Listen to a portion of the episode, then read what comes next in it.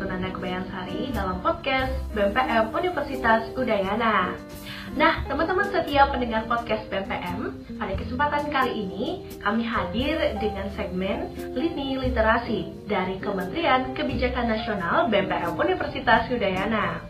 Nah teman-teman pada kesempatan kali ini kita akan mengulas banyak tentang buku yang sangat menarik sekali dengan judul Cantik Itu Lukas yang merupakan karya dari Eka Kurniawan.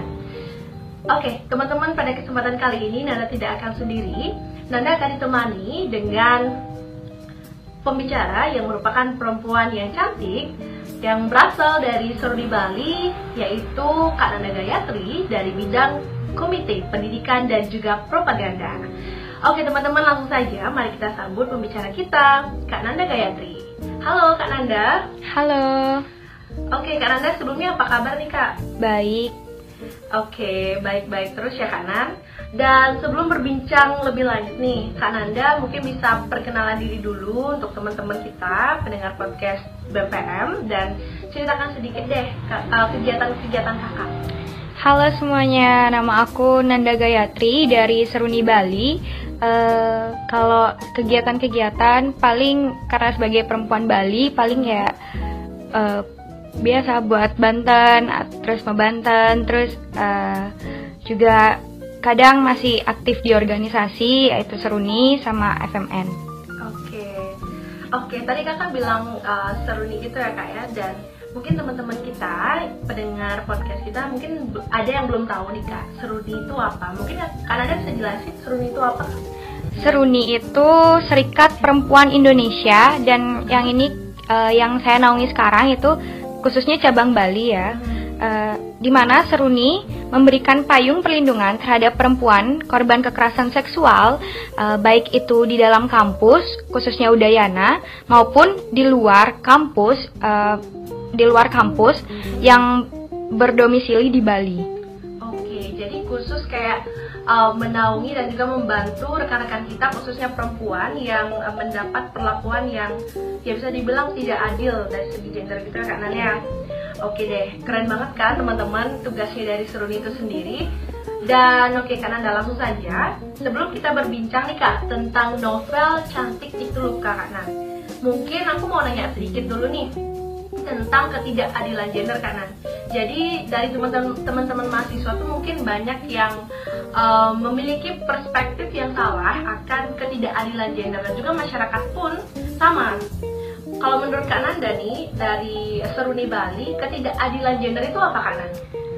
Ketidakadilan gender itu ketika kita sebagai perempuan ataupun laki-laki tidak mendapatkan hak-hak yang setara. Hmm.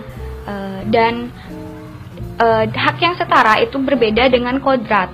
Banyak yang menyalahartikan uh, gender dan uh, gender itu sama dengan kodrat. Padahal gender uh, gender adalah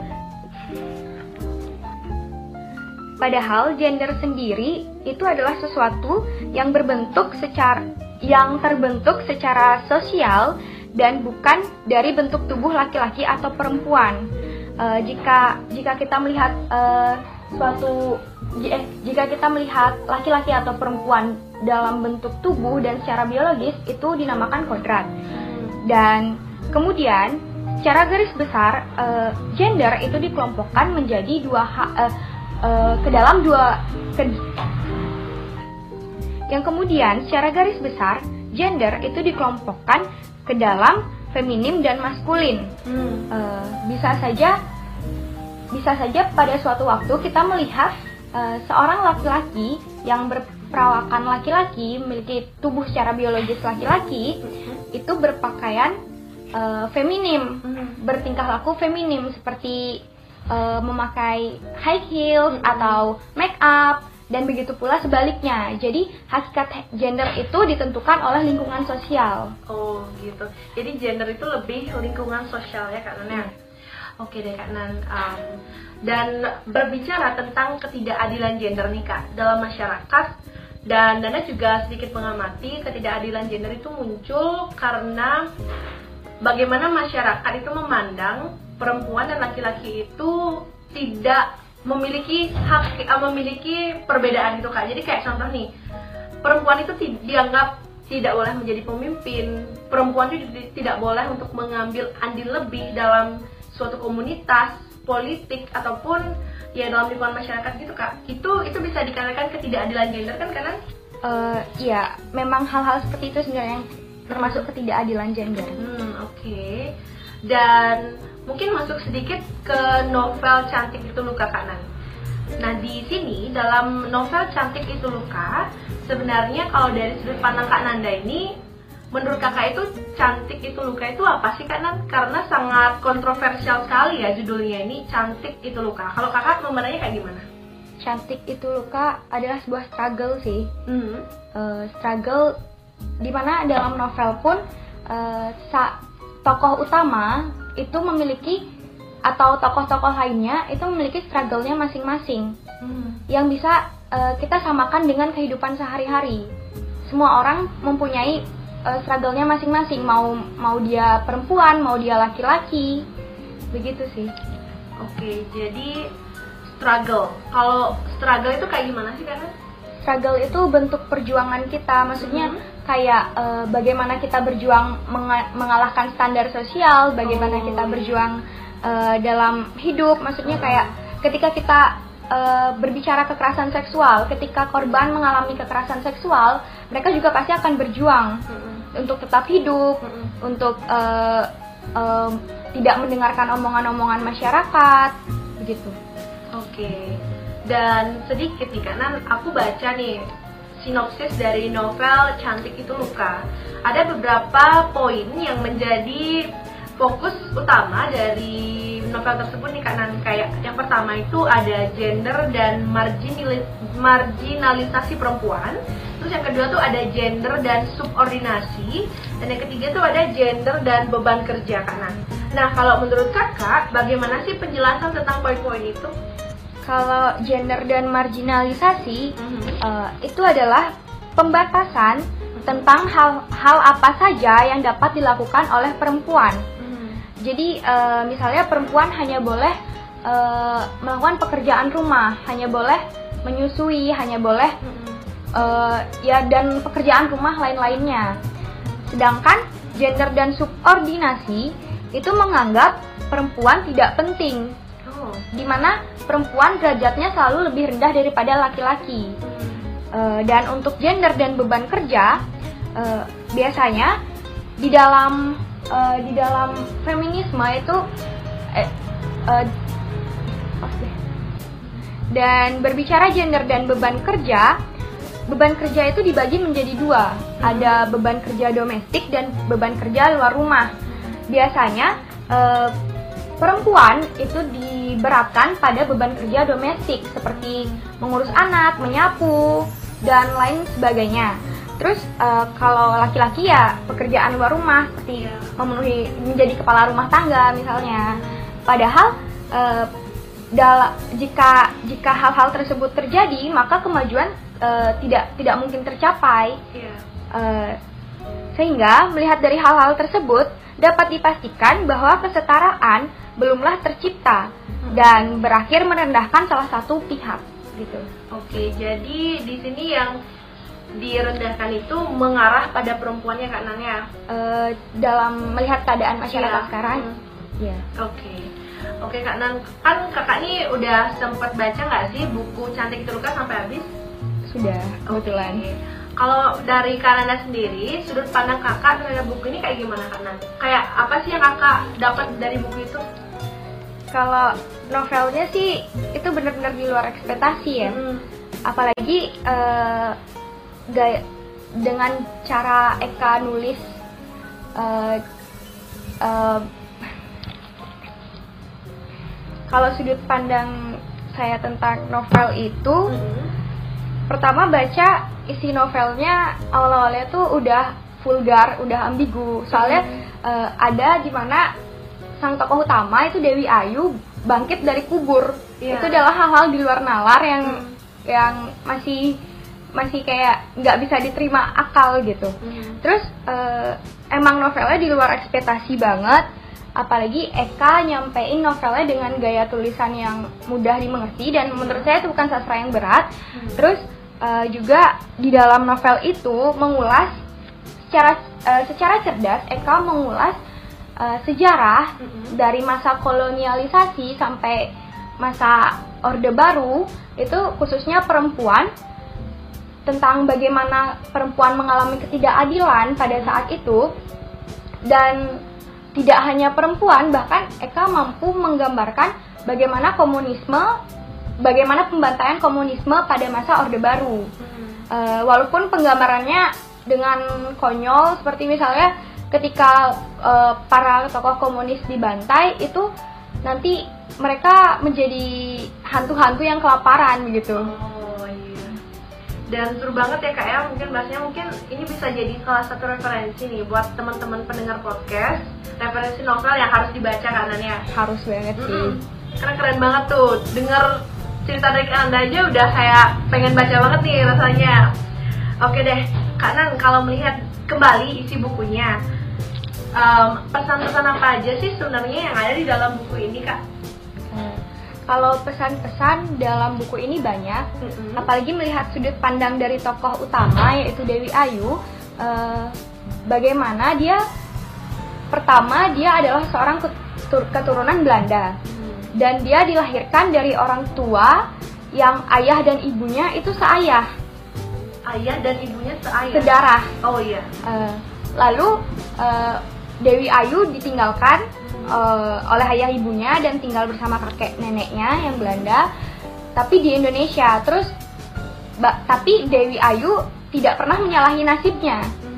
Dia uh, menjalani apa yang sudah ditakdirkan dengan ikhlas bahkan sangat tenang dan eh, pesan-pesan lain dari novel ini mungkin bisa dilihat penggambaran setiap tokoh dari novel ini sama sekali tidak sesuai dengan standar sosial ya. sangat-sangat uh, dari dari dari perilakunya dari dari uh, dari dari dan lainnya itu sangat tidak sesuai dengan standar sosial tetapi bagaimana e, lalu lalu bagaimana kita mengaplikasikannya kehidupan ke kehidupan nyata dan pesan apa yang saya dapat e, saya dapatkan setelah membaca novel itu adalah kita tidak perlu menjadi orang lain, kita tidak perlu mengikuti standar sosial untuk yeah. Iya. e, mem membuat diri kita e, dihormati, membuat diri kita dipandang seperti itu sih. Oke menarik banget ya Kak Nan. Jadi kita tidak perlu mengikuti standar sosial untuk dapat dihormati. Oke, kalau dari Kak Nanda sendiri tuh gimana sih Kak maksudnya tuh? Uh, standar sosial misalnya kayak hmm. kita sekarang pasti uh, misalnya kita ngelihat orang di media sosial kayaknya dia wah cantik banget, yeah. wah jadi banget pasti kita bakalan kayak iri jadinya tuh kita insecure terus kan. Yeah. Mm insecure terus terus jadi kayak uh, anjir kapan sih gue bisa kayak gitu iya, gitu ya, pasti kayak gitu, gitu kan hmm. uh, padahal uh, orang-orang melihat kita sudah sudah sudah cukup wah dia dia dia hebat loh, dia ini loh, tapi kita aja yang kurang percaya diri, kita aja yang kurang mensyukuri apa yang sudah dikasih gitu. Iya, jadi intinya juga kembali lagi bersyukur kayak. Iya. Hmm. Oke deh, karena dan berikutnya Kak Nan e, melihat isi buku kembali, di sana kan lebih mengarah pada bagaimana perempuan yang disubordinasikan. Nah, kalau menurut Kak Nanda nih, bagaimana sih tanggapan kakak terkait dengan perempuan yang disubordinasikan itu Kak Nanda? Uh, untuk perempuan yang disubordinasikan itu uh, seperti yang dijelaskan tadi, subordinasi adalah keadaan di mana perempuan dianggap lebih rendah atau bahkan tidak penting daripada laki-laki. Dan hal tersebut uh, sudah termasuk ke dalam ketidakadilan gender. Apalagi uh, sesuai dengan pembagian tugas yang seperti yang tadi disebutkan, itu pembagian tugas domestik dan beban di luar kerja yang di mana biasanya pihak laki-laki tidak pernah mau membantu pihak perempuan untuk mengurus rumah tangga. Hmm. Padahal kerjaan pekerjaan domestik itu memakan waktu yang lebih lama daripada pekerjaan di luar rumah. Hmm. Sekiranya begitu sih. Oke. Terus kalau berbicara masalah kesetaraan gender lagi nih Kak Nan. Kalau menurut kakak, apakah kita bisa menyetarakan gender dalam kehidupan sehari-hari Kak Nan? Kalau di kehidupan sehari-hari sebenarnya e, jika dilihat dari perkembangan e, masyarakat sekarang, gender itu sudah mulai setara. Maksudnya dalam arti e, beberapa wanita itu sudah ada yang bekerja beker, bekerja keras daripada laki-laki mengambil pekerjaan yang berat seperti e, menjadi kuli atau menjadi e, DKP dan lain sebagainya yang yang dianggap tidak sesuai dengan pekerjaan perempuan. E, begitu pula laki-laki banyak sekarang laki-laki yang sudah mulai bekerja di toko-toko kosmetik. Oh. Bahkan menjadi uh, juga dapat kita lihat laki-laki uh, yang sudah mulai bekerja uh, di toko-toko kosmetik dan menggunakan alat-alat kosmetik. Tapi uh, banyak laki-laki juga yang yang sudah menggunakan skincare. Dan perempuan uh, dan saya rasa kesetaraan gender di masa sekarang itu sudah cukup setara. Meskipun tertutupi oleh hal-hal uh, uh, yang besar. Seperti misalnya bagaimana sekarang sistem kapitalis yang bekerja dan membuat pekerja kantoran perempuan itu harus selalu menggunakan make up. Dan dan terkadang uh, karena sistem tersebut tertanam di pikiran masyarakat maka orang orang-orang biasanya orang-orang uh, biasanya memandang bahwa perempuan uh, tidak tidak akan mau bekerja uh, di luar kerja kantoran yang menggunakan make up misalnya seperti yang saya sebutkan tadi kuli dan lain sebagainya Oke Kanan. Lalu geser sedikit bahasa kita tentang bahasan tadi. Kita mengenal istilah feminisme Kanan. Di sini mungkin teman-teman kita pendengar podcast ini mungkin ada beberapa yang belum tahu nih tentang feminisme. Nah, kalau menurut Kanan mungkin bisa memberikan sebuah gambaran feminisme itu apa kan? Uh, feminisme secara garis besar adalah ide tentang kesetaraan perempuan dan laki-laki yang terbentuk akibat dari adanya budaya patriarki. Hmm yang merupakan hasil dari konstruksi sosial. Dan kemudian uh, ya. Oke Kak Nan, jadi itu dia tadi tentang feminisme ya Kak Nanda ya. Terus berikutnya nih Kak Nan, um, kalau menurut sudut pandang Kak Nanda, bagaimana sih kaitan antara feminisme, lalu liberalisme dan juga satu lagi realisme Kak? Uh, kaitannya mungkin bisa dilihat uh, ketika feminisme mengkritik uh, uh, kaum liberalisme dan realisme secara yang di mana secara garis besar kritiknya sama yaitu pada bertumpu pada kekuasaan politik. Uh, karena di dalam realisme itu dijelaskan bahwa uh, kekuasaan politik uh, bahwa kaum realisme itu membatasi diri dalam suatu kerangka berpikir yang maskulin uh, khususnya dalam pembuatan ke, pembuatan kebijakan serta kekuasaan. Uh, sehingga uh, yang di mana uh, kaum realisme tidak melibatkan perempuan sama sekali dalam mengambil keputusan-keputusan yang berhubungan dengan politik. Uh, dan lebih jauh dari itu membahas liberalisme.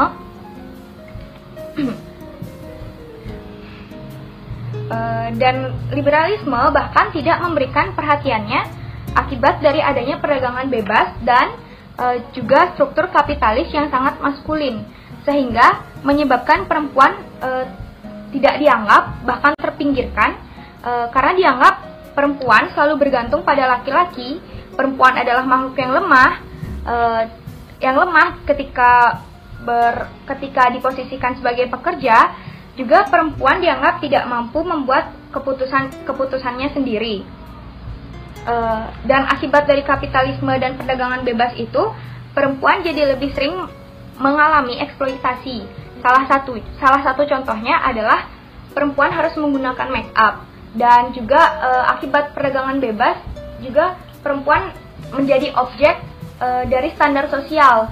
Misalnya kayak uh, skincare skincare baru, hmm. terus uh, yang yang yang di mana membuat para perempuan merasa harus mengikuti standar sosial yang yang uh, standar sosial yang berlaku tersebut dan uh, setelah itu uh, karena perempuan dianggap lebih rendah daripada laki-laki uh, dan dalam konsep kapitalisme biasanya uh, gaji-gaji atau upah buruh perempuan itu lebih rendah daripada buruh laki-laki.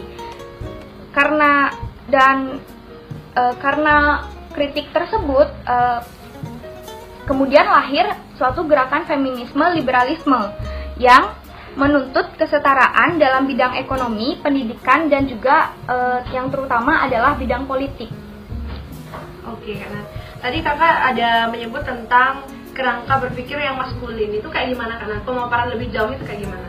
E, kerangka berpikir yang maskulin itu hanya menggunakan konsep-konsep e, ide dari laki-laki, hmm. dari pria yang dianggap bersifat maskulin seperti itu. Oke. Lalu tadi juga aku dengar tentang eksploitasi perempuan gitu kan. Jika kita berbicara tentang eksploitasi perempuan, itu bisa kita kaitkan dengan saat ini ada beberapa gejala sosial yang kita kita tahu tentang pekerja seks komersial kan. Lalu kalau menurut Kananda, adanya pekerja seks komersial ini sendiri dan kaitannya dengan eksploitasi perempuan itu, kalau menurut kakak bagaimana? Sebenarnya apakah ini salah atau seperti apa kalau pandangannya kakak? Uh, jika dibilang salah, bukan hak saya menentukan salah atau benarnya, uh, cuman, uh, cuman uh, hal itu misalnya se se eh, jika seseorang akhirnya memutuskan untuk menjadi pekerja seks komersial uh, itu sama sekali nggak salah. Karena pemenuhan kebutuhan hidup uh, akibat dari sistem yang sedang berjalan saat ini. Mm-hmm. akibat kapitalisme akibat perdagangan bebas yang membuat kebutuhan-kebutuhan uh, hidup itu menjadi lebih mahal karena perdagangan bebas itu kita uh, ada uh, di mana uh, para para pedagang para investor itu memberikan uh, men mencari keuntungan sebesar besarnya dan kemudian menjualnya dengan harga yang mahal gitu. Oke, dan berikutnya nih dari buku cantik itu luka, di sini aku menemukan satu part yang unik kak, di mana anak keempat yang bernama cantik itu kan ya.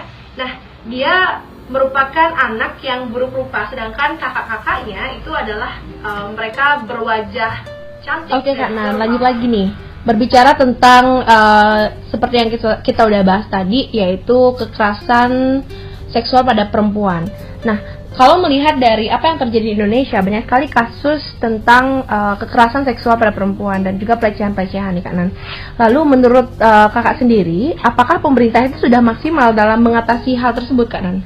Uh, melihat tingginya tingginya peningkatan kasus kekerasan seksual yang terjadi dari tahun 2011 uh, sampai 2019, uh, saya rasa pemerintah belum maksimal dalam menangani kekerasan seksual tersebut. Hmm. Uh, apalagi uh, payung hukum untuk para korban kekerasan seksual itu uh, belum jelas. Hmm. Seperti uh, RUU PKS yang yang saat ini dikeluarkan dari Prolegnas Prioritas 2020 yang katanya uh, pembahasannya sangat sulit begitu. Hmm.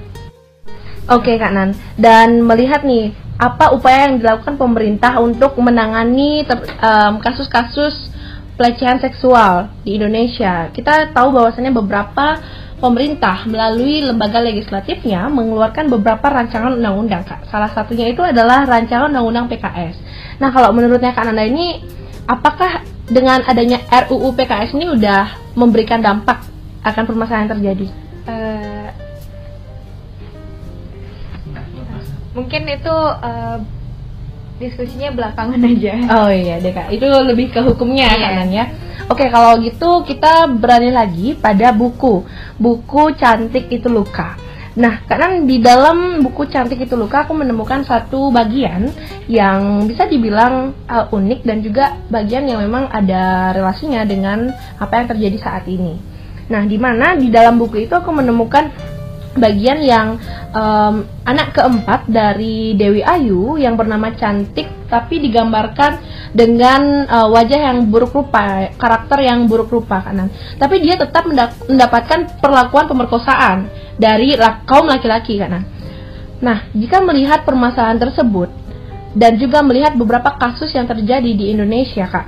Lalu apakah ketika terjadi tindak pemerkosaan. Apakah yang salah itu cara berpakaian dari perempuan atau mungkin dari rupa perempuan atau atau mungkin yang salah itu dari pemikiran laki-lakinya Kak Nan. Lalu kalau menurut tang tanggapan Kakak seperti apa dan mungkin solusi yang bisa Kakak tawarkan akan hal tersebut seperti apa Kak Nan? Uh, saya kira begini, ketika kita menyalahkan cara berpakaian perempuan, apalagi seperti di novel yang uh, si cantik walaupun buruk rupa tetap diperkosa uh, dan bagaimana perempuan berpenampilan, uh, bagaimana kalau kita melihat dari sudut pandang perempuan, di, di mana perempuan juga pasti memiliki fetisnya masing-masing. Mm -hmm. Tetapi ketika perempuan melihat seseorang laki-laki yang bertelanjang dada, mm-hmm. uh, sangat jarang kita dengar berita bahwa perempuan akhirnya menyerang dan memperkosa laki-laki tersebut. Mm-hmm. Uh, jadi saya rasa uh, solusinya adalah bagaimana laki-laki seharusnya lebih bisa menahan pikiran mereka, imajinasi mereka, dan nafsu mereka. Oke Nan, last statement nih terkait dengan novel kita yaitu judulnya Cantik Itu Luka. Apakah menurutnya Kak Nanda itu cantik itu luka Kak Nanda? Seperti apa sih penggambarannya itu kalau menurut Kakak? Uh, iya. Uh, iya, mengapa? Karena seperti yang sudah dikatakan tadi, cantik itu adalah struggle. Sebuah proses di mana ketika um, menjalani proses-proses tersebut ada saja masyarakat yang uh, yang mendiskriminasi e, tentang bagaimana seharusnya cantik menurut standar sosial. Dan setelah bahkan setelah seseorang itu akhirnya menjadi cantik sesuai standar sosial atau seseorang itu memang sudah cantik ada saja kasus-kasus kekerasan seksual yang yang yang setelahnya menimpa mereka. Mungkin aku mau ngasih last statement nih uh, dari yang aku kutip dari novel cantik itu luka sendiri uh, di mana dikatakan kecemasan datang dari ketidaktahuan.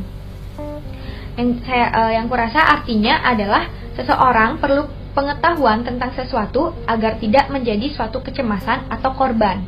Seperti topik yang kita bahas dari tadi adalah yang berkaitan dengan kekerasan seksual, maka yang kita perlukan adalah sex education. Wah. Wah keren banget nih Kak Nan bahasan kita pada kesempatan kali ini Di mana kita mau ngulas terkait dengan buku Cantik Itu Luka. Nah sebelum mengakhiri uh, sesi podcast pada kesempatan kali ini Nanda ingin mengutip sebuah uh, kata mutiara dari Joe Bert Bota yang mengatakan bahwasannya beauty start in your head, not in your mirror. Yang artinya adalah kecantikan itu berasal dari pikiran dan bukan berasal dari tampilan ketika kita berada di depan cermin. Nah, teman-teman, itulah dia tadi sesi kita berbincang-bincang dengan Kak Nanda Gayatri dan Nanda memberikan apresiasi yang sebesar-besarnya kepada pembicara kita yaitu Kak Nanda Gayatri yang udah nyempetin waktunya ngobrol bareng di podcast BMPM Universitas Udayana. Oke teman-teman, jangan lupa untuk selalu mengikuti protokol kesehatan seperti mencuci tangan, lalu memakai masker, dan jaga jarak ketika kalian harus berkegiatan di luar rumah. Oke, sekian dulu podcast dari kita dan sampai jumpa pada sesi podcast selanjutnya.